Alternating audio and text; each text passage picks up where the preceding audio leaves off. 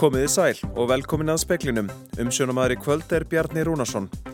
Dómari í hriðverkamálinu íhugar að vísa hriðverkan lið málsins frá. Báðir sagbortningar neituðu sög við þingfestingu í dag. Læknir sem grunar er um að valda sex sjúklingum ótímabærum döiða er aftur komin til starfa á landsbítala. Heilbreyðsraðara hefur samþygt að fara í tímabundið átagsverkefni í samráði við sjálfstætt starfandi barnalækna og barnageðlækna til þess að stitta byggðlista eftir ADHD greiningu. Skipulagstofnun telur að umferði í gegnum miðbæ Eilstaða verði áfram mikil þrátt fyrir að nýr vegur verði laður fram hjá bænum í tengslum við fjárðarheiðagöng. Kostir felist í að beina umferðinni áfram í gegnum miðbæin og nærværi að bæta sambúð vegar og begðar. Innanríkisráð þeirra Úkrænu sem lest í þyrluslissi í morgun var einn nánasti samstarfsmaður Volodymyrs Selenskis fósetta.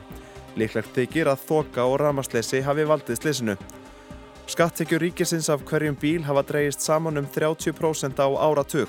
Á sama tíma hefur bílum fjölgað um þriðjung og útgjöld til vegakerfisins hafa stór aukist.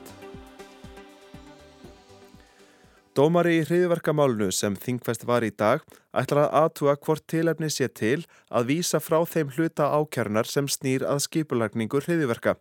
Verjandi annars sagbortningsins segir slíkar ákvarðanir sjálfgefar. Báðir sagbortinganir Sindri Snær Birgisson og Ísidór Nathansson neituðu sög við þingfestingu í hérastómi Reykjavíkur í dag þó játuðu þeir hluta saggifta í vopnarlaga hluta málsins. Verjendur mannana lögðu ekki fram kröfu um frávísun málsins heldur átti dómari frumkvaði að því hafa flutningum frávísun þess í næstu viku. Sveitnandri Sveinsson er verjandi annars mannana. Þetta er sjálfgeft en þetta er, er vinnubröð sem eru til fyrirmyndar og veit að þessi dómar er, er mjög nákvæmur og, og hérna og það er auðvitað praktist að fá botni í þetta.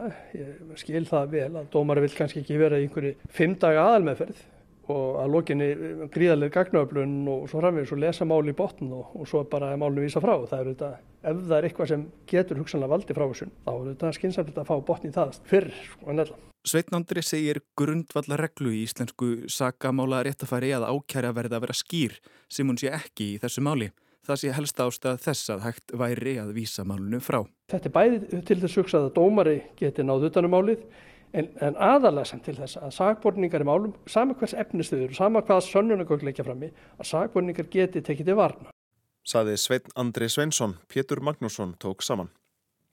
Læknir sem sætir lauruglur rannsókn vegna grunnsum að hafa valdið ótíma bærum döðsföllum sex sjúklinga sinna á heilbriðistofnun Suðunisja árum 2018 til 20 hefur hafið störf á landsbítalanum að nýju. Þetta staðfestir upplýsingafulltrúi landsbítalans í samtali við fréttastofu og segir að læknirinn, skúli Tómas Gunnlaugsson, starfi nú á bráðadagutild spítalans í verkefnum og teimiskipulagi, ekki með sjúklingum.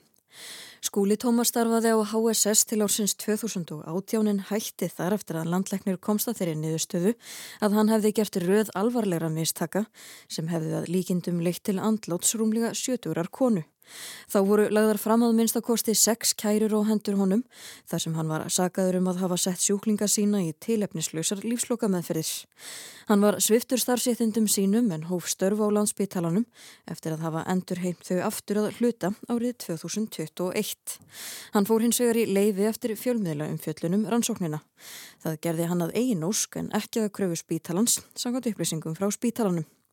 Annar starfsmöður landsbítalans, hjókurnafræðingur og geðdild var nýverið ákerður fyrir mandróp fyrir að hafa þvingað mat ofan í sjúklingsinn með þeim afleiðingum að hann kapnaði.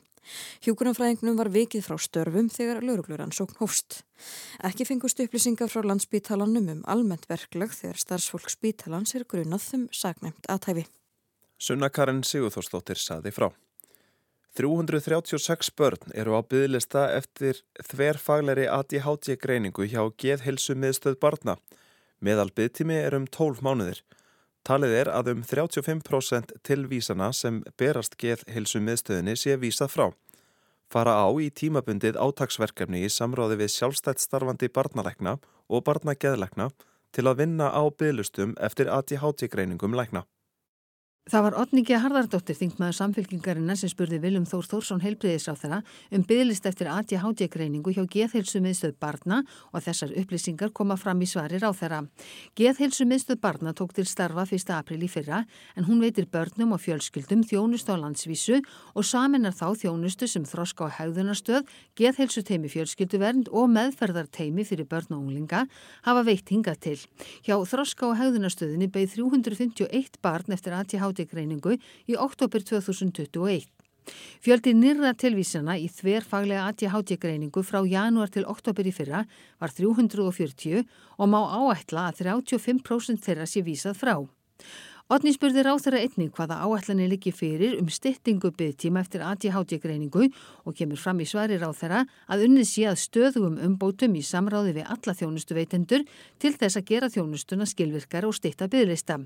Þannig hafi ráð þeirra meðal annars samþygt að fari verið tímabundið í átagsverkefni í samráði við sjálfstætt starfandi barnalækna og barnageðalækna til þess að vinna á bygglistum eftir ADHD-greiningum lækna.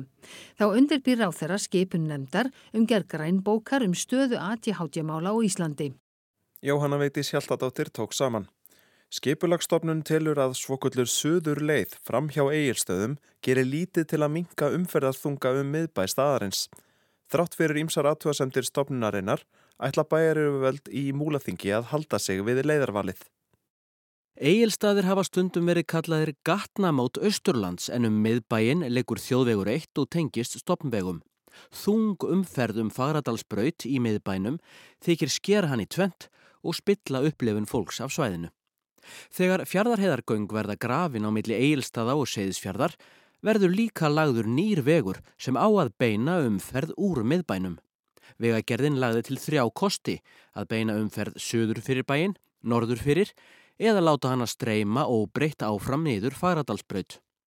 Bæði vegagerðin og meiri hlutin í sveitarstjórn Múlaþings telja söðurleiðina besta kostin en skipulagstofnun gerir aðtúasemdir við ímsa rauksemdir í matskíslu vegagerðarinnar.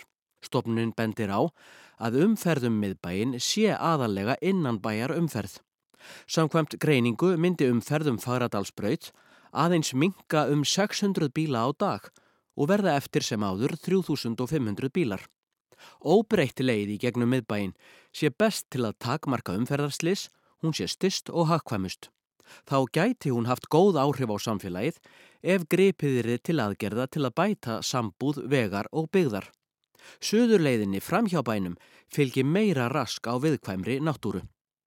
Jónína Brynjólfsdóttir, fórseti sveitastjórnar Múlaþings, segir að þrátt fyrir þessar aðtóasemdir sjáu hún kosti við suðurleiðina og áframverði unnið að því að koma henni á skipulag okkar vonun alltaf svo að söðuleiðin leiði það af sér að óæskileg umferð flutningabíla og farmflutninga færi þá út fyrir bæin og ágáðinu því var ekki ríðanlegur. Einni reiknum við bara með því að þeir sem að eiga ekki erindin í bæin sjáu sér ekkert endilega hagið því að keiri gegnum hann. Segir Jónína Brynjálfsdóttir. Rúnarsnæður Reynsson talaði við hana. Antonio Guterres, aðal framkvæmdastjóri saminuðu þjóðana, sakar óljufyrirtæki um að hafa breytt út mikla lígi um þeirra hlutverk varðandi lofslagsbreyningar. Hann segir þau jafnvel eiga að sæta ábyrð. Guterres viðraði þessa skoðun sína á ráðstefnu alþjóða efnahagsráðsins í Davos í Sviss.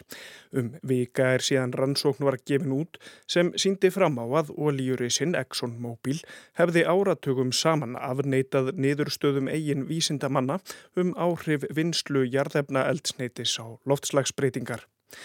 Við komumst að því í síðustu viku að ákveðnir framleiðendur jarðefna eldsneitis hefðu haft vittnesku um það á áttunda áratugnum að þeirra helsta framleiðslu var að væri að baka plánetuna okkar, sagði Guterres. And just like the tobacco industry, they rode roughshod over their own science. Some in big oil peddled the big lie. And like the tobacco industry, those responsible must be held to account.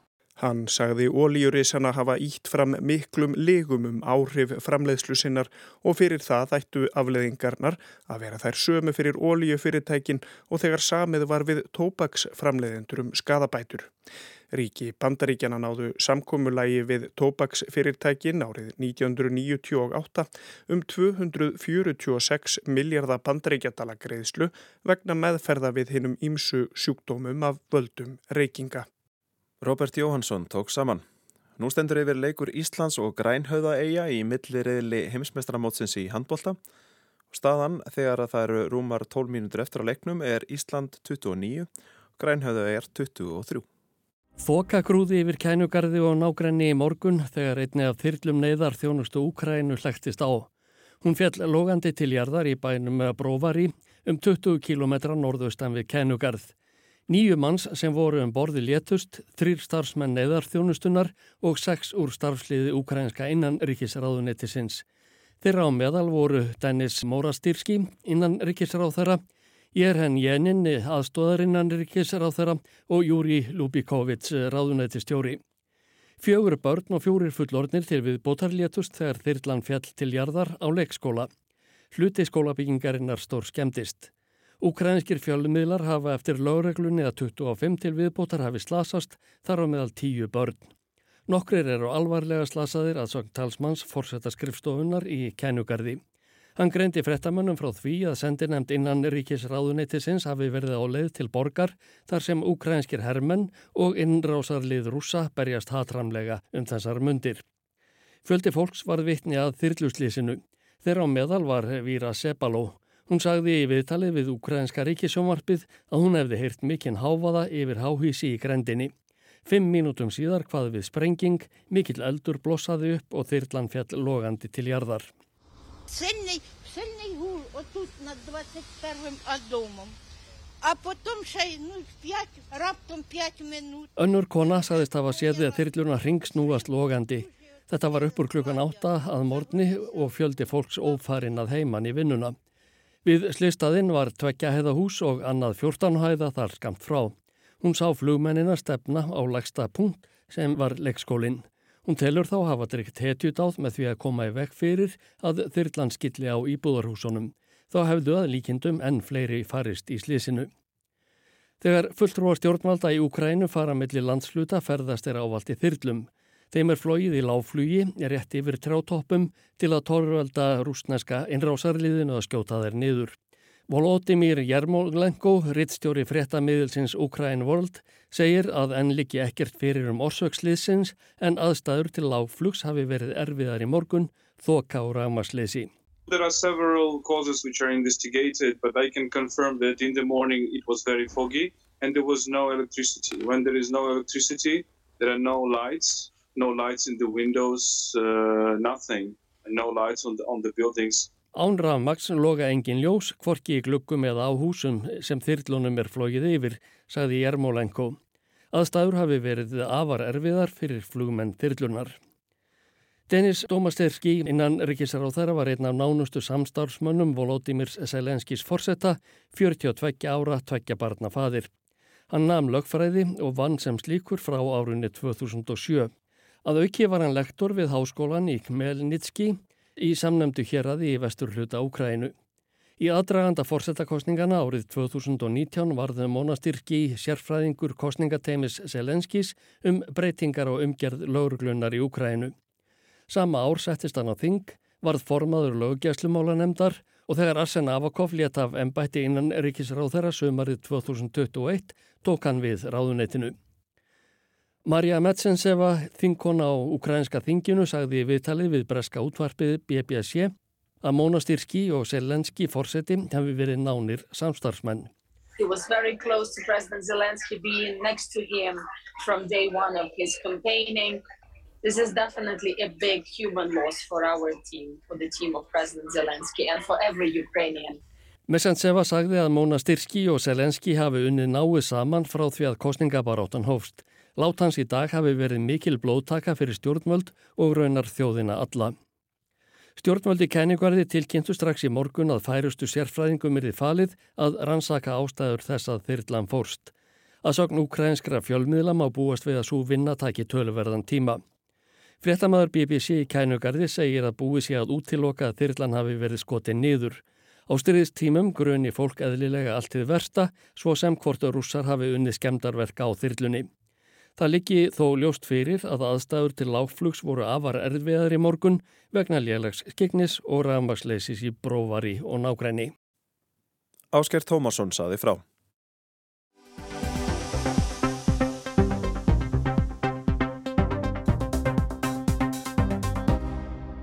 Því er stundum fleikt að ákveðin öll séu í stríði gegn engabilnum.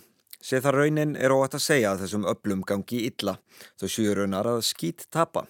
Skráðum aukotækjum hefur nefnilega fjölgaðum 35% á Íslandi á liðnum áratög. Þau voru um 250.000 árið 2011 en eru orðin 335.000. Allir sem hafa kert um götur höfuborgarinnar finna fyrir þessum nýju þáttangendum í umferðinni. 85.000 nýjum bílum á áratug. En hvað skýrir þessa fjölgun? Stefania Kolbrún Áspjöstóttir er hagfræðingur hjá samtökum atvinnulísins. Má leiða því líkur að það sé annars vegar fólksfjölgun almennt í landinu og svo auðvitað hreinlega ferðarþjónustan. Bílalegu eiga þarna stóran hluta. Bílalegu bílar eiga sinnþátt í aukningunni. Þeim hefur fjölgað en þó ekki nefnum 15.000 á áratug. Stefania flutti erindi á skattadegi Deloitte í síðustu viku undir yfirskriftinni Stoppaði göttin, fjármögnun vegakerfisins. En hvaða gött eru það? Já, ég var einmitt uh, í þessu örundi að reyna að finna þetta svokallega gat sem stjórnmálumönnum er tíðrættum og já, það var mín nefnstað að gati hlita að vera það að ef maður skoðar tekjuríkisjós af bílum og aukutækjum þar að segja af öllum þeim sköttum og göldum sem þeir innhemta beint af þeim tekur þar allar og deilir þeim niður á hvert aukutæki og setur auðvitað fast verðlag að þá sér þau að tekjur per aukutæki þær hafa drist saman. Tekjur ríkisins af aukutækjum, vörugjöld, bifriðagjöld, bensingjöld, kílometragjöld, þau hefa dreyist saman um miljarda á sama tíma og bílum hefur fjölkað. Tekjur af hverjum bíl eru þannig nærri 30% minni nú en fyrir áratög á föstu verðlægi. Þau eiga það öll sammeilegt þessi gjöld að, að vera byggð á einhvers konar grænum sjónamöðum. Það er að segja eins og bensingjaldi, það eru fast króntala per lítir af bensinni og sama með oljugjaldið Nú, eh, kolmnisgjaldið er eins. Þetta hefur það í eðli sínu að eftir því sem að bílar verða spartinarnari uh, eh, því menna kaupu að bensinni og því menna kemur í, kassan hjá ríkinu ef að, að króntalan er föst. Það þarf ekki að koma óvarta eftir því sem göld ríkisins af bílegundum dragast saman því fleiri verða bílarnir. Hið ofinbera hefur nefnilega stutt diggilega við enduníum bílaflótans á liðnum árum með skattaafslætið til rafbílakaupa og jafnvel tengiltvinnbíla þó reynslan síni að þeir síðarnefndu séu lengst af knúnir bensíni. Útgjöld ríkisins til vexsamgangna hafa á sama tíma aukist. Þau voru 30 miljardar árið 2011 en hafa verið um 50 miljardar á ári frá því ríkistjórn Katrínar Jakobsdóttur tók við völdum. Þetta er allt saman á förstu verðlægi og því hækkun umfram verðbolgu. Meðgjöf ríkisins með vegakerfinu hefur því aukist. Það er útgjöld umfram tekjur. Hún var 10 miljardar á ári 2016 en er orðin 30 miljardar fimm árum síðar. Stefania segir ekki óeðlilegt að samneislan standi undir hluta kostnæðarins við vegakerfið. Það leiki jú líki hlutverk í íslenskum efnahag. Til þess að halda út öllu og goða aturlífi og samfélagi hér á landi þurfum við sannlega að hafa hér öllu og tröst einvið og vegakerfið er þar ekki undanskilið. Uh, vegakerfið til dæmis Uh, stölur að því að við getum dreft hérna sjávaraförðum frá vinslu til útflutnings hvaða vöru og þjónustu sem er um landið allt þannig að það skapar fyrirtækjum hver sem er á landinu rekstargrundvöld. Nú svo kemur það einni okkur og, og, og erlendum gestum áleiðis á áfengastað. Þannig að veðkerfið er uh, grunnstóð í gælduríssköpun þjóðarinnar og það er algjörlega mat samtaka aðlunlýsins að það sé sangjant að þeir, að þeir sem noti að þeir borgi fyrir það en mögulega vegna þessa verðmætta sem að vegakerfið skapar okkur er sangjant að einhver meðgjöf komi úr ríkisöði. Verðmætti vegakerfisins á Íslandi er um 1000 miljardar króna. Hver einasti þjóðvegur, vexlóði eða mislæg gatnamót eru verðmætti og þeim þarf að halda við til að þau haldi gildi sínu og geti áfram staðið undir hlutverki sínu. Samtök yðnaðarins telja að uppsöpnuð viðhaldstörf vegakerfisins sé hátt í 200 miljardar króna. Þetta er sem sagt matsamtakaðinarins á því hvað, hvað þarf til til að koma vegakerfinu í, í ásættilegt horf. Uh, þau metta það sem svo að vegakerfið sér hennilega ekki já, nóg gott eins og það er í dag og við konumst kannski öll við það, höfum kert onni í hólundar sem að byrtast okkur í leysingunum og höfum lendið því að það eru lokanir, við komumst ekki út á land, nú er það hennilega bara ekki til nóg af snjómokstustækjum. En hvernig á að fjármagna þetta? Það er fyrir síðan að tekju ríkisins af bílum haldi áfram að draga saman á næstu árum. Aðeins eru nokkur ári að bannað verði að selja bensínbíla á Íslandi. Ef ríkið á ekki að taka á sig allan kostnaðin þarf að leita annar að leiða við fjármögnun. Eh, það má hæglega færa fyrir því málefninar eru rauk að það þurfi að horfa til þessar fjármögnunar upp og nýtt. Það er, við erum sammálað því og tilbúin að taka þátt í þeirri vinnu en... Ertu þá að tala um veggjöld? Ekkert endilega. Nei, það er hennilega politist úrlösnarefni um hvaða gjöld og hvernig og í hvað áttu viljum fara þetta. Það er bara eitthvað sem þarf að skoða og vinna í sátt og samliti með öllum hagaðalum í þessu en, og við, við erum tilbúin í þá vinnu en, en ef þú spyrir mig og okkur að þá reynilega er það þannig að það er nefnilega að hafa heildarmyndina og eitthvað svona fyrirsjónleika leðljós í þessu. Samtök atvinnulífsins vilja nefnilega alls ekki að skattar hækki nema aðrir lækki á móti. Þó að skattar á aukutæki hafi dreist saman að þá að það ekkit almennt við um, um tekið ríkisjóðs. Saði Stefania Kolbrún Áspjósdóttir. Alexander Kristjánsson talaði við hana.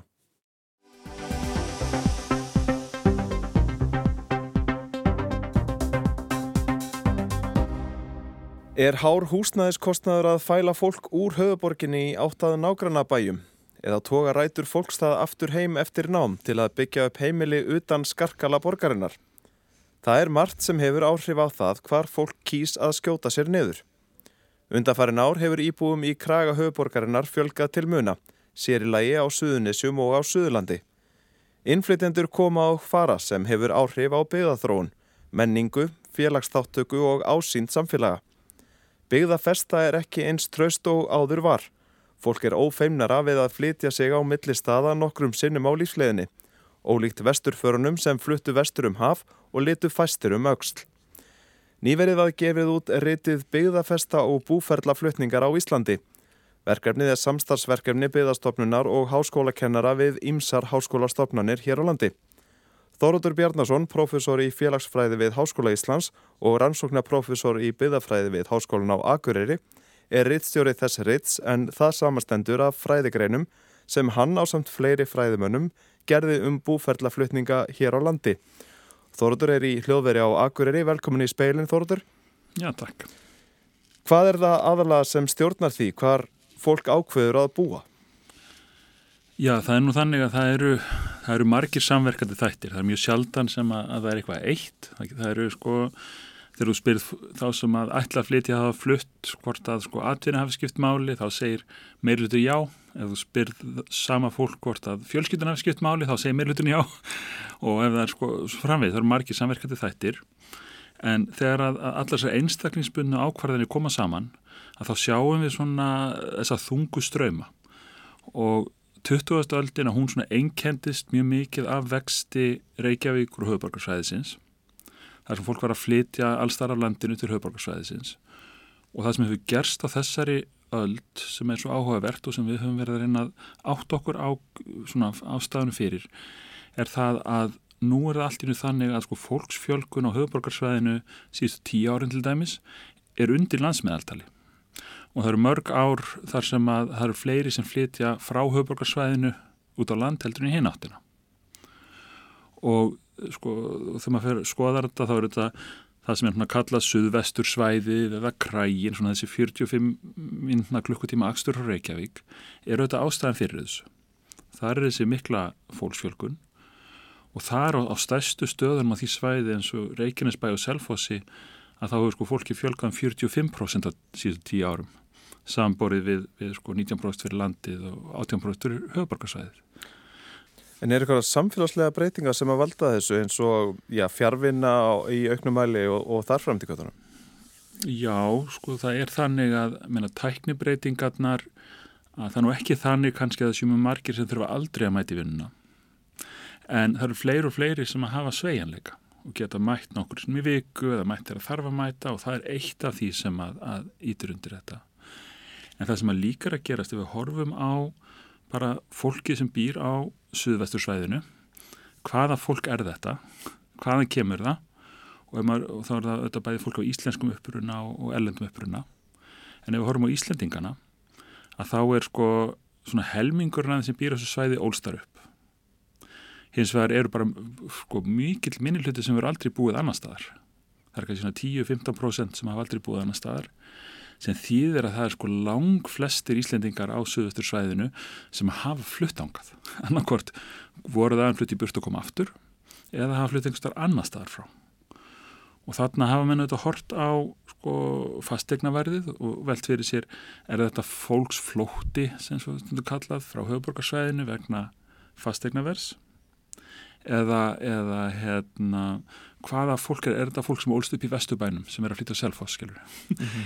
og, og þegar við skoðum þetta þá sjáum við að sko höfuborgarsvæði er ekkert stærsti sko það er ekkert stærsti ströymurinn að það eru sko miklu fleiri sem eru að flytja á selfosl dæmis sem eru sko uppaldir á Suðurlandi en þeir eru ekkert endilega að flytja frá Suðurlandi. Þeir eru kannski að flytja frá útlöndum en þeir eru að flytja frá höfbrukarsvæðinu og það eru fleiri sem flytja sko annar staðar af landinu á, á, á Suðustursvæði heldur frá höfbrukarsvæðinu það er kannski svona 15 eitthvað svo leiðis mm -hmm. þannig að þetta er miklu við erum að horfa á miklu flóknari mynd heldur en einhverja útkverfisvæðingu mm -hmm. og það hefur stundu verið kallað um svona urban sprawl á ennsku eða svona þjættbílisflæði þar sem að borgir vaksa í einhvern svona klukkutíma radíus í kringum miðborgina. Þetta er ekki beint það. Sko við þurfum all þjónustu af ymsu tægi, sko vegur það þungt í, því hvort að fólk leggur í að flytja á svæði utan þessa kraga?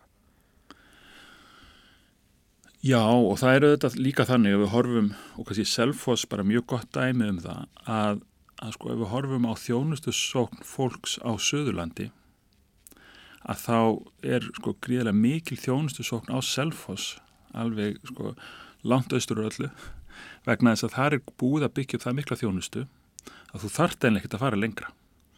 Það er fyrir svo margt að þart ekkert að fara þennan auka, auka 45 klukkutíma til Reykjavíkur vegna þess að að þjónustan er, er þar og við sjáum þetta sama gerast eins og á Norðurlandi þar sem að Akureyri hefur verið í vexti sko, í rúmaöld og hérna og svolítið að sami eins og gerist á, á Suðvestursvæðinu fólk sem eldst upp kannski í sveitum eða minni bæjum á Norðurlandi fer síðan og aflæsir háskólamöntunar fer jáfnvel til útlanda. Þegar það flytur heim að þá flytur það ekki alla leðina heim, þá flytur það all Akureyrar. Þannig að, að sama hátt sjáum við sko, það eru mjög margir á, á Akureyri sem að ólust upp á Norðurlandi en þeir fluttu ekki til Akureyri frá Norðurlandi þeir fluttu til Akureyri frá Reykjavík eða þeir fluttu frá útlandum mm -hmm. Eitt áhugavert sem að kemur fram í þessu reyti það er um kynju viðhorf og búferðlaflutninga hefur það áhrif á það hvar, hvort að fólk já, flest annarkort út á land eða aftur til borgarinnar? Já, það er eh, eitt af því sem að, að, að þegar fólk er spurt sem flytur frá minnistöðum að þá er, er spurt um þætti heilbreyðistjónustu, aðgengja mentun og svo framvegis og eitt af því sem kemur skýrt fram, sérstaklega yngra fólki, er hefðbundin kynjaviðþorf. Það sé að flýja hefðbundin kynjaviðþorf en það sem er áhugavert í því er að það á einlega jæmt við um unga kalla og unga konur sem segja að þeir sé að flytja vegna þess að þeim, þeim líki ekki hefðbundi kynja við þorf. Þannig að þetta er svona annað dæmið um það hvað að sko jafnbryttismálin eru líka svo mikið byggðamál. Það skiptir svo miklu máli fyrir samfélagin að hérna bæði kallar og konur upplifi að þeir hafi sem er tækifæri í, í, í byggðaröðun. Mm -hmm. Við komumst ekki lengra að sinni. Takk hjálpa fyrir komuna í speilin Þóruður Bjarnason á Akureyri. Og lítum að lokum til veðus. Það verður norrlæg átt 5-10 metrar á sekundu en 10-15 austast á landinu. Jél, norðan og austanlands en létt skíjað sunnan heiða. Frost 3-15 steg. Austlægar á morgun og yfirleitt hægari vindur. Stittir upp fyrir norðan og austan. Vaksandi austan og suðaustan átt undir kvöld og þyknar upp sunnan og vestarlands og búast má við jæljum á suðausturlandi. Fyrir að hlýna annað kvöld fyrst við suðuströndina. Það var helst í speklinum í kvöld að dómari í hriðverkamálunu íhugar að vísa hriðverkarlið málsins frá. Báði sakbortningar neituðu sök við þingfestingu í dag. Læknir sem grunar er um að valda sex sjúklingum ótímabærum döiða er aftur komin til starfa á landsbítala. Hilbreysraþara hefur samþygt að fara í tímabundið átagsverkefni í samráði við sjálfstæðstarfandi barnalækna og barnageðlækna til þess að stitta bygglista eftir ADHD-greiningu og íslenska kartalandsliði í handbólta sigraði grænhöða eigar nú fyrir skemstu með 10 marka mun, loka tölur 40 mörg gegn 30. Það er ekki fleira í speiklinum í kvöld. Tæknumæður var Magnús Þorstedt Magnússon, frett átsendingu stjórnaði Ingeborg Sara Guimistóttir. Njóti kvöldsins og verið sæl.